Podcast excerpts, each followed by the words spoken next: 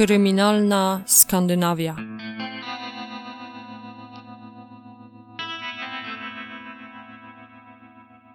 Ten podcast zawiera opisy brutalnych przestępstw i może nie być odpowiedni dla małoletnich słuchaczy.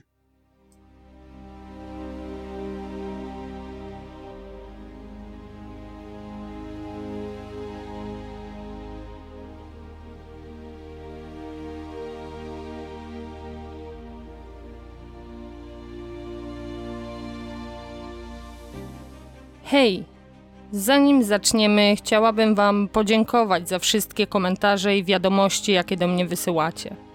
To dzięki temu mam mobilizację, by nadal działać.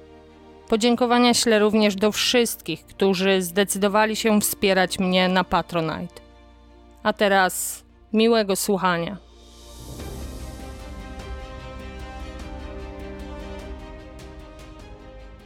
Dziś przenosimy się do północnej części Sztokholmu, Uplands Wesby, skąd do centrum stolicy Szwecji jest 25 km. Jest 15 listopad 2015 roku. Na policję dzwoni Markus Ekfalk, by zgłosić zaginięcie swojej siostry Madeleine. Rodzina nie miała kontaktu z Madeleine od dnia 5 listopada. Mężczyzna opowiada, że kontakt z siostrą nie był codzienny, jednak to, że Madeleine nie daje znaku życia tak długo, nie zdarzało się nigdy wcześniej. Nawet jeśli dziewczyna niecodziennie odzywała się do brata bądź do matki, miała codzienny kontakt ze swoimi dziećmi. Od niemal dziesięciu dni nie skontaktowała się jednak z nimi w żaden sposób. Markus opowiada, że w nocy pomiędzy 5 a 6 listopada Madeleine była u swojego znajomego Gustawa. Według niego dziewczyna poprosiła, by rankiem ten zawiózł ją do byłego chłopaka Hansa. Gustaw nie miał jednak możliwości tego zrobić, śpieszył się bowiem do pracy, więc Madeleine udała się tam na własną rękę. Od tamtej pory nikt jej nie widział. Próby kontaktu z Hansem nie powiodły się. Markus opowiada, że były chłopak kilkakrotnie groził Madeleine. Dziewczyna złożyła zawiadomienie na policji po tym, jak ten skierował w nią pistolet. Śledztwo w tej sprawie nadal jest w toku. W trakcie rozmowy okazuje się również, że Madeleine Ekfalk od dwóch lat miała problemy z narkotykami.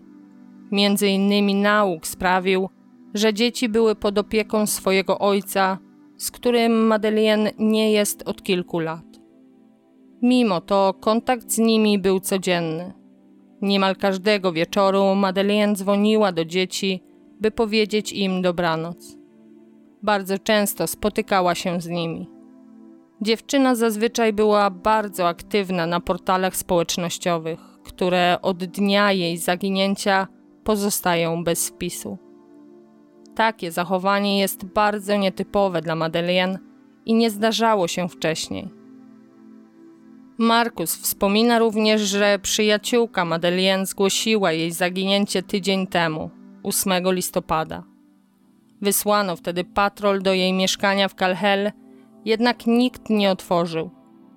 Markus ma nadzieję, że policja zaczęła śledztwo w sprawie zaginięcia jego siostry a ten telefon jest tylko uzupełnieniem poprzedniego zgłoszenia.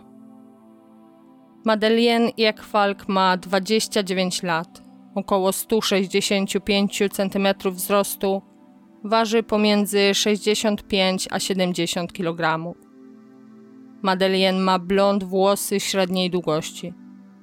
Ubrana była w szarą bluzę, na którą zazwyczaj nakładała czarną kamizelkę, czarne spodnie i ciemno-niebieskie buty. Po trwającej niemal godzinę rozmowie przyjmująca zgłoszenie Joanna rozpoczyna działania. Kontaktuje się najpierw ze szpitalami w całym Sztokholmie. Nigdzie jednak nie odnalazła kobiety pasującej do rysopisu, jaki podał Markus.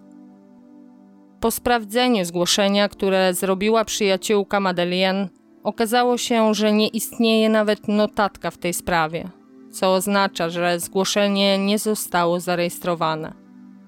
Johanna kontaktuje się z przełożonymi. Jeszcze tego samego wieczoru o godzinie 23.30 zapada decyzja o namierzeniu telefonu zaginionej Madeleine. Mała dygresja. Według artykułu w gazecie codziennej Svenska Dagbladet w Szwecji co roku wpływa około 7 tysięcy zgłoszeń o zaginięciu. Większość zagubionych udaje się odnaleźć w przeciągu 6 miesięcy. Z drugiej strony statystyki wskazują, że średnio 30 osób rocznie znika bez śladu. Wśród tych osób są tacy, którzy po prostu uciekają od dotychczasowego życia, ale i również ci, którzy padli ofiarą przestępstwa. Działania policji w takich wypadkach uzależnione są od okoliczności zaginięcia. Przypadku osób pełnoletnich, którym zdarzało się wcześniej milczeć przez kilka dni, policja nie podejmuje natychmiastowych działań. Po zgłoszeniu zazwyczaj trzeba odczekać 48 godzin, by można było rozpocząć śledztwo. Wyjątkiem mogą być dodatkowe okoliczności, które wzbudzą podejrzenia, że doszło do przestępstwa. Wróćmy do sprawy. Fakt, że zgłoszenie, które złożyła przyjaciółka Madeleine, nie zostało zarejestrowane, opóźnia działania policji. Brat zaginionej oraz jej rodzice czekają niecierpliwie na powrót Madeleine. W międzyczasie starają się nawiązać kontakt ze wszystkimi znajomymi dziewczyny. Nikt jednak nie ma pojęcia, gdzie podziewa się Madeleine. Z każdym następnym dniem pogłębia się niepokój rodziny. Policjanci przesłuchują rodzinę i znajomych Madeleine. Matka potwierdza, że milczenie córki jest bardzo nietypowe. Nigdy wcześniej nie unikała kontaktu tak długo. Zdarzało się, że nie odzywała się kilka dni, ale zawsze utrzymywała kontakt z dziećmi. Policja skupia się na byłym chłopaku Madeleine, Hansie, który wcześniej wygrażał się, że ją skrzywdzi. Po skontaktowaniu się z Denitano, śledczym, który prowadził tą sprawę, okazało się, że już wkrótce miała ona trafić do sądu. Brakowało tylko ostatniego przesłuchania z Madeleine. Deni potwierdza, że próbował się z nią skontaktować wielokrotnie, jednak bezskutecznie. Podczas śledztwa o groźby Gustaw był tym, który utrzymywał stały kontakt ze śledczymi. Starał się pomóc w zebraniu dowodów. Posiada również nagranie, na którym Hans groził Madeleine. Gdy śledczy natknęli się na problem z kontaktem z Madeleine, poprosili Gustawa o pomoc. Ten obiecał podzwonić po znajomych i pomóc w jej odnalezieniu. Jest 18 listopad 2015 roku. Policja już od kilku dni próbuje skontaktować się z Hansem. Jednak każda próba okazuje się bezskuteczna. Tego dnia nawiązano kontakt z jego byłą żoną, z którą mężczyzna dzieli opiekę nad dzieckiem. Kobieta mówi, że Hans wyjechał do Norwegii. Było to 8 listopada. O jego wyjeździe dowiedziała się zaledwie tydzień przed planowanym wylotem. Była żona Hansa nie potrafiła wskazać, gdzie dokładnie mieszka obecnie mężczyzna. Dwa dni później, to jest 20 listopada 2015 roku, na policję dzwoni kolejna była partnerka Hansa. Hans od dłuższego czasu planował wyjazd do Norwegii, jednak o dokładnej dacie wyjazdu kobieta dowiedziała się tydzień przed. Hans i ona dzieli się opieką nad córką, jednak w ostatnim czasie spędzała ona więcej czasu u matki, ze względu na złe towarzystwo, w którym przebywał Hans. Kobieta jest przekonana, że Hans wraz z Madeleine nadużywał narkotyków. Wspomina ona również, że Hans planuje przyjechać jutro do kraju, by spotkać się z córką oraz podpisać kontrakt na wynajem swojego mieszkania. Zaznacza również, że Hans nigdy nie był agresywny w stosunku do niej lub do ich córki. Śledczym w końcu udaje się przesłuchać Hansa. Mężczyzna skontaktował się z policją telefonicznie po tym, jak dowiedział się, że próbują go odnaleźć. Okazuje się, że jego wyjazd za granicę nie miał nic wspólnego z zaginięciem Madeleine. Mężczyzna opowiada, że Madeleine nie dotarła do niego 6 listopada 2015 roku. Miał z nią kontakt za dwie pierwsza w nocy przez telefon. Dziewczyna zadzwoniła do niego i rozmawiali niemal pół godziny. Hans nagrał tą rozmowę. Madeleine na początku nagrania nie ma pojęcia, która jest godzina. Według niej jest 15.30. Dziewczyna wydaje się zdezorientowana. Pod koniec rozmowy zdaje się czuć lepiej. W tle słychać Gustawa. Madeleine wspominała, że była u niego. W trakcie rozmowy dziewczyna wciąga amfetaminę. Hans przedstawia również alibi na dzień, w którym zaginęła Madeleine. Jest ono nie do podważenia. Mężczyzna zostaje skreślony z listy podejrzanych. Podczas gdy policjanci prowadzą śledztwo w sprawie zaginięcia Madeleine Ekfalk, rodzina dziewczyny na własną rękę próbuje ją odnaleźć. Odwiedzają mieszkanie Hansa, w którym dowiadują się, że mężczyzna od tygodnia wynajmuje je komuś innemu. Odwiedzają również Gustawa, by dowiedzieć się więcej o ranku, w którym Madeleine wyruszyła od niego. Gustaw opowiada, że tą noc Madeleine spędziła u niego. Rankiem poprosiła go, by zawiózł ją do Hansa, jednak Gustaw zaspał do pracy i nie mógł jej pomóc. Zapytał jednak, czy chce, by podwieźć ją na pociąg. Dziewczyna odmówiła, mówiąc, że poprosi Hansa, by ją odebrał. Gustaw wspomina, że jest zaniepokojony. Takie zachowanie rzeczywiście nie jest podobne do Madeleine, by się nie odzywać. Obiecał, że spróbuje podzwonić po znajomych. Wszelkie starania, które rodzina wkłada w odnalezienie Madeleine, są bezskuteczne. Nie udaje im się znaleźć żadnej wskazówki, która pomogłaby ustalić, co stało się z Madeleine. Kilka dni później śledztwo przejmuje policja kryminalna w Solentuna. Zmieniona zostaje rubryka przestępstwa na uprowadzenie, dzięki czemu śledczy otrzymują dostęp do większej ilości środków oraz personelu, jakimi będą mogli dysponować. Prowadzący śledztwo Bjorn Lindgren odwiedza rodzinę Madeleine, by dowiedzieć się jeszcze więcej o zaginionej dziewczynie. Madeleine Ekfalk urodziła się 11 czerwca 1986 roku. Od wczesnych lat była bardzo aktywna i kreatywna, co zostało jej do tej pory. Gdy pojawia się w pomieszczeniu, przejmuje je totalnie. Uwielbia być w centrum uwagi. Madeleine jest bardzo aktywna na portalach społecznościowych i prowadzi kilka blogów. Od wczesnych lat wraz z mamą odwiedzała lekarzy, by ustalić, czym spowodowana jest jej aktywność i brak dłuższego zainteresowania jedną rzeczą. Jak wspomina jej mama w dokumencie Enmurk Historia, Madeleine sama wspominała, że coś może jej dolegać. Kilka lat przed zaginięciem Madeleine związała się z mężczyzną, któremu urodziła dwójkę dzieci. Z początku mieszkali w Norrköping. Madeleine pracowała wtedy jako asystentka w szpitalu. Jej życie wydawało się ułożone.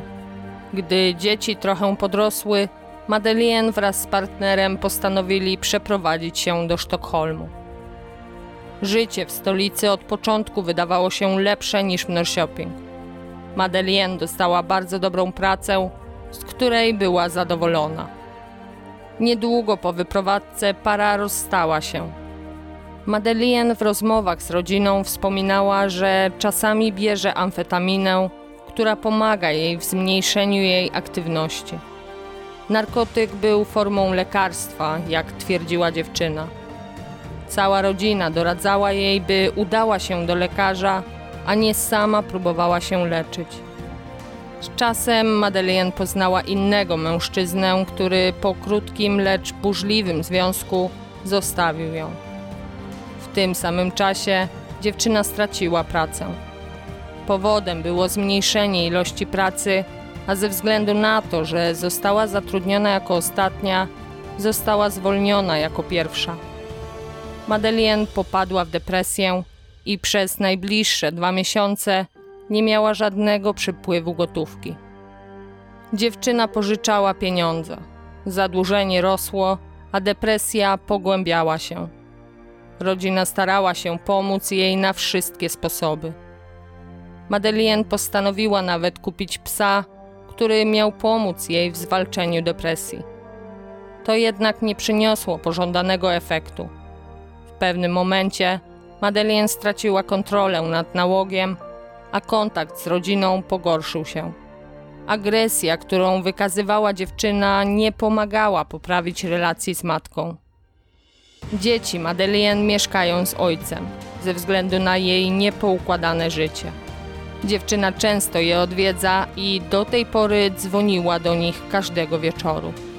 Rodzina starała się jej pomóc wyjść na prostą, jednak bez chęci ze strony dziewczyny zadanie to jest niemal niewykonalne. Śledztwo w sprawie zaginięcia Madeleine Ekfalk trwa. Przesłuchano wielu ludzi kilka razy, innymi Gustawa i jego dziewczynę Felicję. To właśnie on był ostatnią osobą, która miała kontakt z zaginioną. 32-latek posiada autobus, który przerobiony jest na kampera. Stoi on zaparkowany na bocznej drodze w okolicy Uplands Wezby pomiędzy autostradą E4 a starą drogą sztokholmską. Droga, gdzie stoi autobus, służyła kiedyś jako droga dojazdu na autostradę dla pojazdów uprzywilejowanych. Pobliżu znajduje się bowiem szpital. Obecnie jest to teren opuszczony, który bardzo rzadko odwiedzany jest przez kogokolwiek. Lasy w okolicy są tak zagęszczone, że ciężko jest się wybrać tam na spacer. To właśnie w tym miejscu ślad po Madeleine się urywa. Śledczym udało się również ustalić ostatnią aktywność na telefonie Madeleine. Miała ona miejsce 6 listopada 2015 roku o godzinie 1.36, kiedy to otrzymała SMS-a od Hansa. Jej telefon znajdował się wtedy w okolicy autobusu Gustawa. O godzinie 6.21 telefon zostaje wyłączony. Pozycji telefonu w momencie wyłączenia nie udaje się ustalić, ze względu na to, że operator nie rejestruje pozycji, jeśli użytkownik nie wykonuje lub nie odbiera rozmowy, lub nie wysyła czy nie odbiera SMS-a. Na tym etapie śledczy zakładają, że dziewczyna albo uległa wypadkowi i potrzebuje pomocy, albo nie żyje.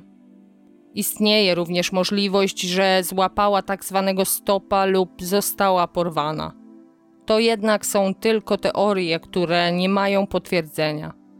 Jakkolwiek by nie było, jedynym tropem pozostaje ostatnia znana lokalizacja dziewczyny.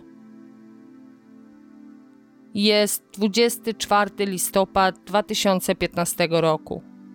Dwóch policjantów wraz z psami tropiącymi zostaje wysłanych w okolicę, w której zaparkowany jest autobus. Sprawdzono lasy po obu stronach drogi, jak i po drugiej stronie autostrady. Przeszukanie terenu nie wniosło nic nowego do śledztwa. Dwa dni później ponowiono poszukiwania. Tym razem zaangażowano również policyjny śmigłowiec. Poszukiwania zajmują sporo czasu, jednak nie przynoszą efektu. Nie udaje się odnaleźć nic, co pomogłoby ustalić, co stało się z Madeleine Ekfalk. Trzy tygodnie po zaginięciu 29-latki śledztwo nadal stoi w miejscu. Nie odnaleziono absolutnie żadnej wskazówki, która pomogłaby w poszukiwaniach. Śledczy mają stały kontakt z Missing People Sweden. Teren wokół autobusu to bardzo zagęszczone lasy, których przeszukanie wymaga ogromnej ilości ludzi i czasu. Missing People zorganizowało poszukiwania, które również nie przyniosły efektu. Jest 17 grudnia 2015 roku. Patrol policji kontroluje autobus Gustawa. Pojazd, o którym mowa, to stary autobus komunikacji miejskiej, który został przerobiony na kampera. Z racji tego, że jeden z policjantów poczuł zapach stęchlizny wydobywający się z autobusu, decydują się na przeszukanie pojazdu. Jest to wyjątkowa sytuacja, która zmusza policjantów do kontroli. W sytuacji, gdzie nie istnieje poważne podejrzenie o przestępstwie, policja musi uzyskać nakaz przeszukania od prokuratury. Policjanci czują wyraźny zapach stęchlizny, co w połączeniu z zaginięciem Madeleine pozwala im na skontrolowanie pojazdu bez nakazu. Możliwe bowiem było, że w środku znajduje się ciało. Po wejściu do pojazdu oczom policjantów ukazują się ogromne ilości śmieci i przedmiotów leżących dosłownie wszędzie. Sprawdzenie rozpoczęto od końca autobusu. W tej części znajduje się łóżko, na którym leży mnóstwo ubrań oraz śmieci. W korytarzu policjant zauważa worki z cementem. Przemieszczając się w stronę drzwi, zauważa worki ze śmieciami które są przyczyną przykrego zapachu. Oprócz tego nie udaje się odnaleźć nic, co pomogłoby w odnalezieniu Madeleine. Ze względu na to, że autobus jest przepełniony różnymi przedmiotami, które uniemożliwiają wykluczenie istnienia śladów bądź plam krwi, zdecydowano się wezwać techników kryminalnych z policji w Sztokholmie. Jonas oraz Marit przez najbliższe trzy godziny sprawdzają, czy w autobusie znajdują się ślady krwi lub jakiekolwiek poszlaki wskazujące na użycie przemocy wobec Madeleine.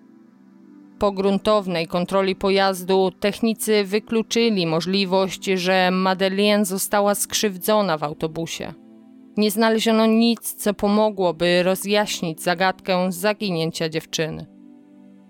Śledztwo nie posuwa się do przodu.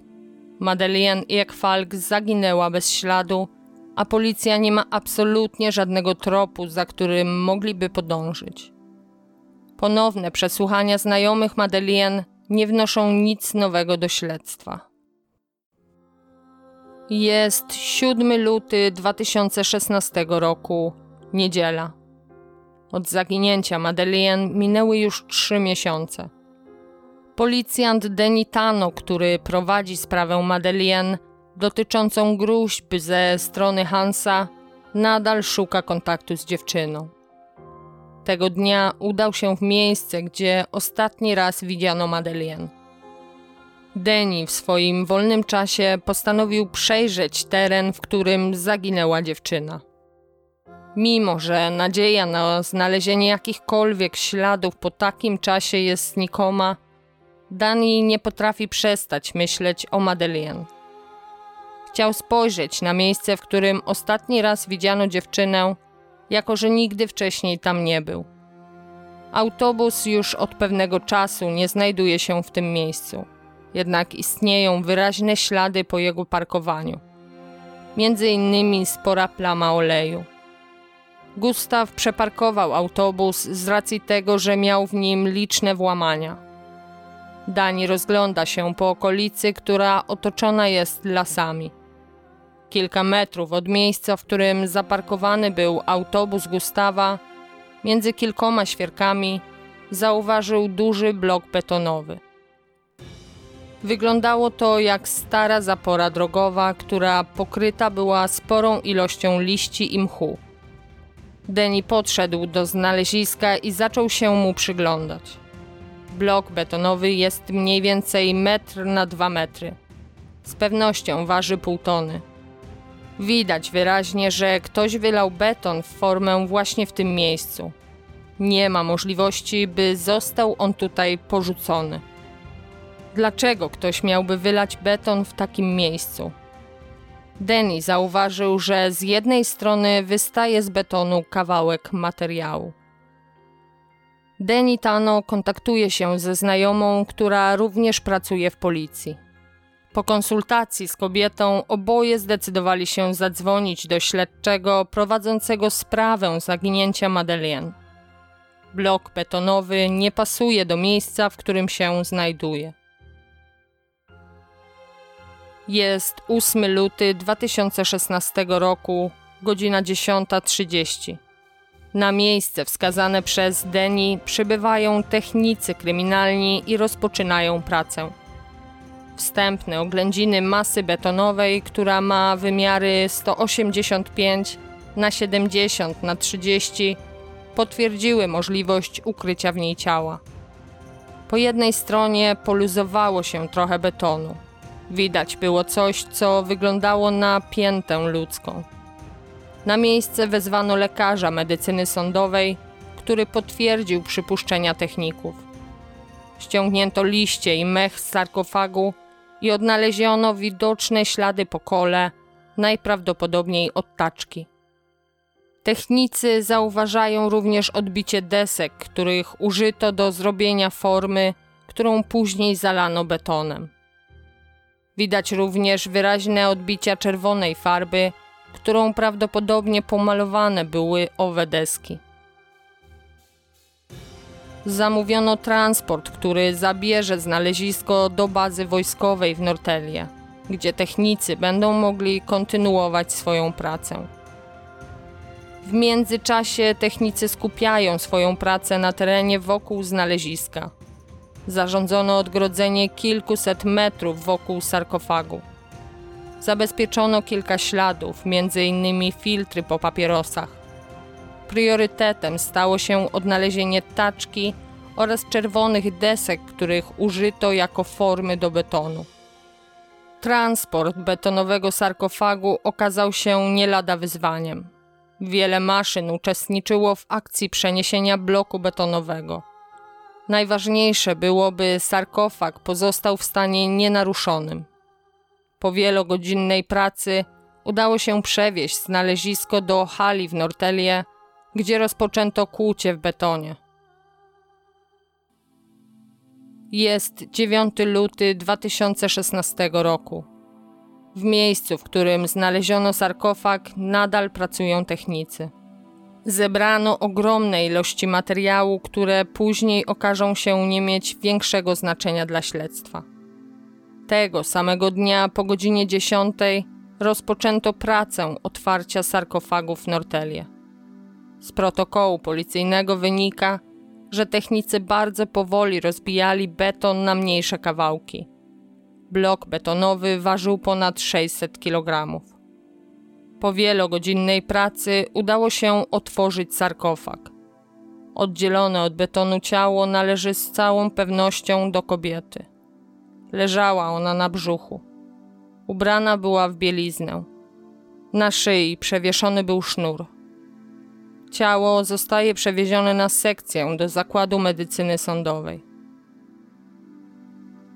Rodzina Madeleine otrzymuje wiadomość o odnalezieniu ciała. Nie ma jeszcze potwierdzenia, że należy ono do Madeleine, mimo to matka jest przekonana, że chodzi o jej córkę. Jak wspominała w podcaście Murk Historia, świat się dla niej zatrzymał.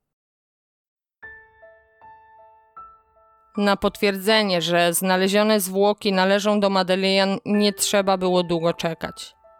Kilka dni po odnalezieniu ciała pojawia się artykuł w Aftonbladet, w którym potwierdzono identyfikację zwłok. Przyczyna śmierci nadal nie jest znana. Mimo to prowadzone jest śledztwo z rubryką o morderstwie. Miejsce i okoliczności odnalezienia Madeleine nie pozostawiają wątpliwości, że ktoś jest zamieszany, jeśli nie w morderstwo, to w zbezczeszczenie zwłok. Śledczy starają się nawiązać kontakt z Gustawem, który widział Madeleine jako ostatni zaledwie kilka metrów od miejsca, w którym ją odnaleziono. Jego telefon pozostaje wyłączony. W miejscu jego pracy policja dowiaduje się, że w dniu, w którym odnaleziono ciało Madeleine, Gustaw wyszedł na lunch i do tej pory nie wrócił. Dla śledczych ta informacja jest bardzo ważna – Dziewczyna Gustawa mieszka niedaleko miejsca, w którym odnaleziono zwłoki. Możliwym jest, że Gustaw udał się do niej, by zjeść lunch i zobaczył działania techników w miejscu ukrycia zwłok. Przypuszcza się, że dlatego mężczyzna się ukrywa. Postanowiono śledzić jego partnerkę Felicję, by w ten sposób odnaleźć mężczyznę. Dla śledczych ważne jest, by odnaleźć kryjówkę, w której być może uda się zabezpieczyć ważne dla śledztwa przedmioty. Okazuje się, że dziewczyna podejrzewa, że jest śledzona. Często jeździ w kółko, zatrzymuje się bez powodu i zawraca w miejscach niedozwolonych. To sprawia, że namierzenie mężczyzny przeciąga się w czasie. W międzyczasie ze śledczymi kontaktuje się mężczyzna, który ma ważne informacje na temat śledztwa. Świadek jest bliskim kolegą Gustawa. Gdy dowiedział się, że w betonowym bloku znaleziono ciało Madeleine Ekfalk, mało nie dostał zawału. Kolega opowiada śledczym, że 9 listopada 2015 roku Zaledwie trzy dni po tym, jak Madeleine widziana była po raz ostatni, Gustaw poprosił go o pomoc. Opowiedział, że kilka razy ktoś włamał mu się do autobusu. Policja przyjęła zgłoszenie jednak jako zniszczenie mienia, ze względu na to, że z autobusu nic nie zginęło. Jako, że jest to irytujące i powtarza się co jakiś czas, Gustaw chciałby zapobiec przyszłym włamaniom wpada na pomysł, by na początku dróżki, na której stoi autobus, postawić betonową zaporę. Tutaj z pomocą ma przyjść kolega. Aby to zrobić, trzeba bowiem przygotować formę, w czym pomóc ma przyjaciel. Mężczyźni wspólnie udają się do sklepu budowlanego Bauhaus, by zakupić worki z cementem. Kolega pomaga mu wykonać formę z desek które Gustaw miał w swoim samochodzie. Świadek nie miał pojęcia o planach Gustawa. Był przekonany, że pomaga mu w wykonaniu zapory drogowej. Po przygotowaniu formy, Gustaw zapewnia kolegę, że zresztą poradzi sobie sam. Jest 16 luty 2016 roku. Jeden z policjantów udaje się do sklepu budowlanego Bauhaus położonego w Uplands Wespy. Celem wizyty jest znalezienie dowodu na zakup wspomnianych przez świadka worków cementu. Mimo, że sprawdzono system trzykrotnie, nie udało się odnaleźć rachunku z zakupem cementu. Jedynie rachunek za taczkę, którą zapłacono kartą Gustawa. Według menadżera sklepu mogło dojść do sprzedaży bez rachunku, co jest niedozwolone. Znaleziono natomiast inny podejrzany zakup, mający miejsce następnego dnia. Okazało się, że karta Felicji, dziewczyny Gustawa, użyta była do zakupu trzech wiader oraz 15 worków cementu. Jest 20 luty 2016 roku. Policja odnajduje autobus Gustawa. Pojazd zabrano lawetą do bazy wojskowej w Nortelie, gdzie technicy kryminalni ponownie go przeszukują. Felicja, dziewczyna Gustawa, jest pod obserwacją. Zdecydowano się namierzyć jej telefon i sprawdzić lokalizacje, w których przebywa najczęściej. Dzięki temu śledczy docierają do adresu na Warmdö we wschodniej części Sztokholmu. Po upewnieniu się, że mężczyzna znajduje się w położonym nad jeziorem domu, zdecydowano się na zatrzymanie. Jest 28 luty 2016 roku. Warmdo.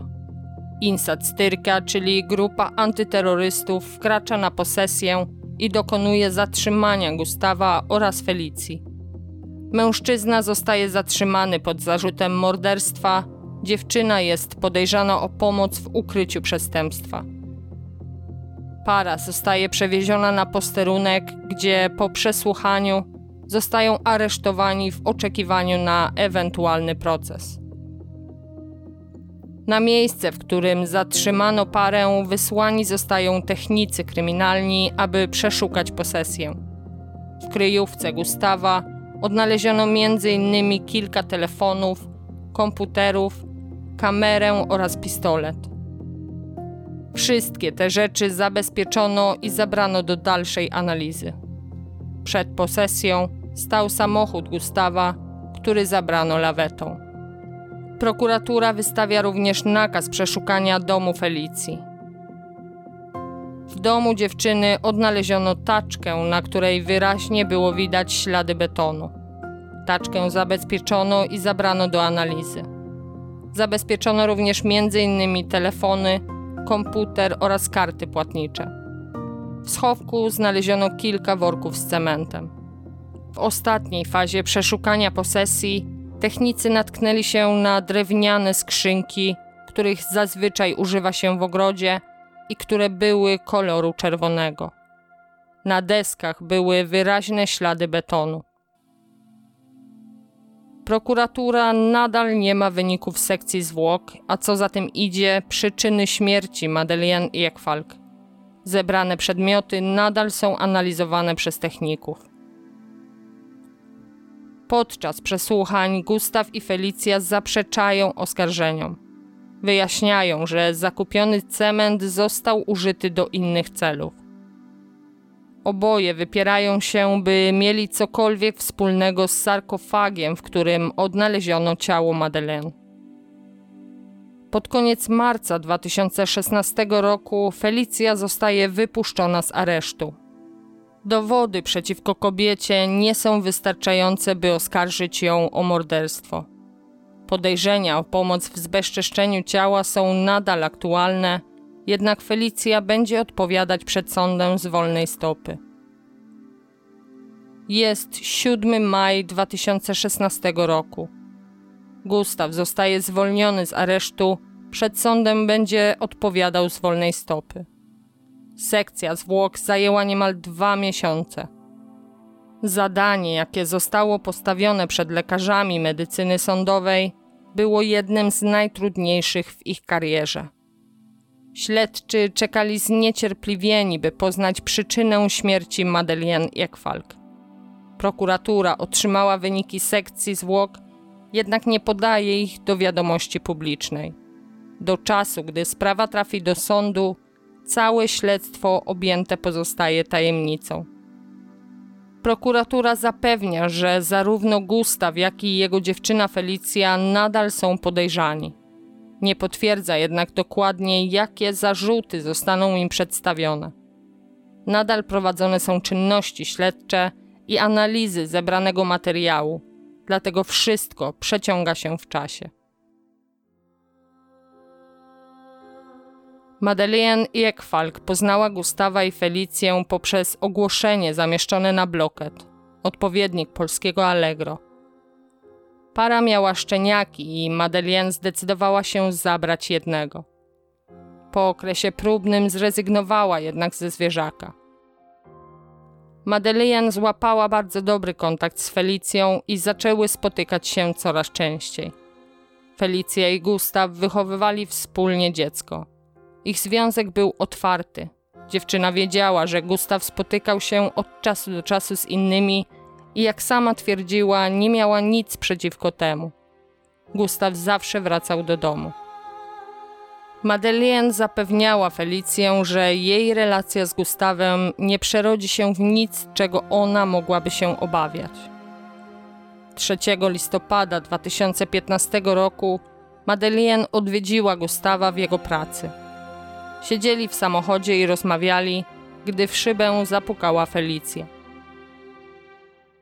Dziewczyna bardzo się oburzyła, bo nie miała pojęcia, że Madeleine spotyka się z Gustawem za jej plecami. Kilka godzin później, gdy Felicja przyjechała po Gustawa, by odebrać go z pracy, Madeleine nadal tam była. Felicja wściekła się i wysłała mu SMS-a, że ich związek uważa za zakończony. Z dalszych SMS-ów wynika, że dziewczyna wywierała coraz większą presję na Gustawie. Miał on dokonać wyboru.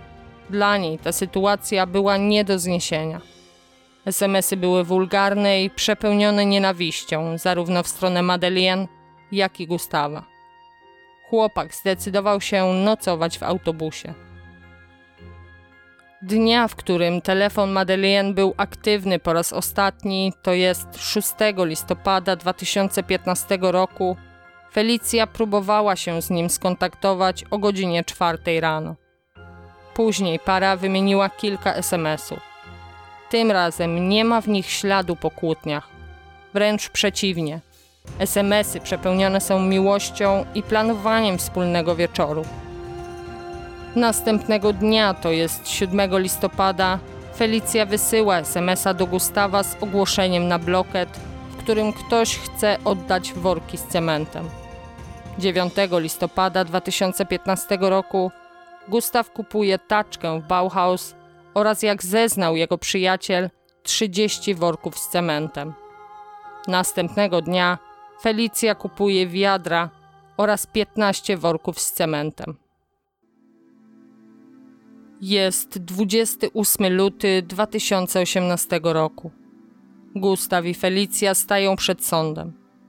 Ku wielkiemu zaskoczeniu, żadne z nich nie zostaje oskarżone o morderstwo. Prokuratura wyjaśnia, że raport z sekcji zwłok nie potwierdza, że Madeleine została zamordowana. W chwili śmierci dziewczyna miała bardzo duże stężenie amfetaminy we krwi sercowej. Dawka ta mogła doprowadzić do zgonu. Możliwe również, że została uduszona, na co wskazywałby sznur odnaleziony na jej szyi. Ciało było w stanie częściowego rozkładu, co utrudniło pracę patologów. Nie znaleziono również żadnych dowodów, które mogłyby przybliżyć przyczynę śmierci Madeleine. Nie można wykluczyć, że dziewczyna przyjęła śmiertelną dawkę amfetaminy z własnej woli. Rozczarowanie, jakie przyniósł raport, było ogromne. Prokuratura miała związane ręce. Nie znając przyczyny śmierci, nie można oskarżyć nikogo o morderstwo. Cała strategia oskarżenia musiała zostać zmieniona. Według aktu oskarżenia Gustaw i Felicja razem dokonali zbezczeszczenia zwłok Madeleine i Ekwalk poprzez przeniesienie ciała, a następnie zabetonowanie go we wcześniej przygotowanej formie. Felicja i Gustaw złożyli wyjaśnienia podczas procesu. Według nich zakupiony przez nich cement użyty został do innych celów Żadne z nich nie przyznało się do zarzucanych im czynów. Wyrok zapadł 16 marca 2018 roku. Gustaw został skazany na rok i sześć miesięcy pozbawienia wolności za zbezczeszczenie zwłok. Felicja na rok i dwa miesiące pozbawienia wolności za pomoc w zbezczeszczeniu zwłok. Zarówno Gustaw, jak i Felicja odwołali się od wyroku. Sąd drugiej instancji nie przychylił się jednak do wniosku o niewinności pary. Wyrok Gustawa został podniesiony do roku i ośmiu miesięcy pozbawienia wolności. Wyrok Felicji zmniejszony do roku pozbawienia wolności. Wyrok się uprawomocnił i para miała się stawić, by odbyć karę. Żadne z nich nie pojawiło się jednak w umówionym czasie – Felicja została zatrzymana dwa miesiące później i przewieziona do więzienia. Gustaw ukrywał się do października 2019 roku. Był poszukiwany listem gończym na całym świecie. Został zatrzymany w okolicach Linköping w Szwecji. Z pewnością zauważyliście, że działania policji w tej sprawie nie były tak perfekcyjne jak w poprzednich odcinkach. Brat Madeleine w dokumencie Enmurk Historia wspomina, że gdy składał zawiadomienie o zaginięciu Madeleine, miał wrażenie, że policja spojrzała na nią jak na narkomankę. Nikt nie spojrzał na jej życie przed nałogiem. Z góry założono, że Madeleine specjalnie unikała kontaktu z rodziną i dobrze się bawi w towarzystwie narkomanów. Pytanie, które wciąż powraca za każdym razem, gdy porusza się tą sprawę, to fakt, że nie otrzymała ona odpowiedniego rozgłosu w mediach, podczas gdy inne zaginięcia od samego początku są śledzone niemal na bieżąco. Od czego zależy ciekawość mediów? Czy ma to związek ze statusem społecznym zaginionych? Po wyroku niemal wszystkie gazety zaczęły rozpisywać się o sprawie. Znaleziono również informacje na temat Gustawa, które dodatkowo wzbudziły zainteresowanie społeczności. W wieku 17 lat chłopak został skazany na pobyt w zakładzie dla nieletnich po tym, jak szczegółowo zaplanował morderstwo swoich rodziców zastępczych. Plan, który Gustaw zapisał, był wtedy jednym z dowodów przeciwko niemu w sądzie. Brat Madeleine Marcus w dokumencie Enmurk Historia wyjaśnia, że być może dobrze, że para nie została oskarżona o morderstwo. Dowody były niewystarczające i z pewnością nikt nie zostałby skazany. W Szwecji, jeśli ktoś zostanie uniewinniony z zarzutu morderstwa, nie można tej osoby ponownie skazać na podstawie tych samych dowodów. Bardzo ciężko jest również otrzymać tzw. Tak reasoning, czyli kasację nadzwyczajną. Jeśli prokuratura nie składa wniosku o morderstwo, oznacza to, że jest świadoma, że dowody, jakie posiada, nie są wystarczające na wyrok skazujący. Nadal istnieje nadzieja, że kiedyś wyjaśni się to, w jaki sposób zmarła Madeleine Ekfalk. Jeśli ktoś przyczynił się do jej śmierci, to w końcu zostanie skazany. Imiona Gustaw, Felicja oraz Hans są fikcyjne. Tak naprawdę te osoby nazywają się inaczej. Specjalne podziękowania dla moich patronów, którymi w tym miesiącu są Anka, Lidia, Martyna, Paweł, Janusz, Małgorzata, Magdalena, Agnieszka, Daniel, Michał, Paulina, Maria, Sebastian, Krysia, Emcio, Ewa, Wanda, Aleksandra oraz Zuzanna. Jest to jedyna forma wsparcia mojej pracy nad podcastem, dlatego chylę czoła i bardzo dziękuję. Przy okazji chciałabym Wam przypomnieć, że zdjęcia do sprawy znajdziecie na moim Instagramie, gdzie nazywam się Kryminalna Skandynawia, a w źródłach odcinka znajdziecie ciekawe linki, które przybliżą Wam sprawy, o których Wam opowiadam. Do usłyszenia.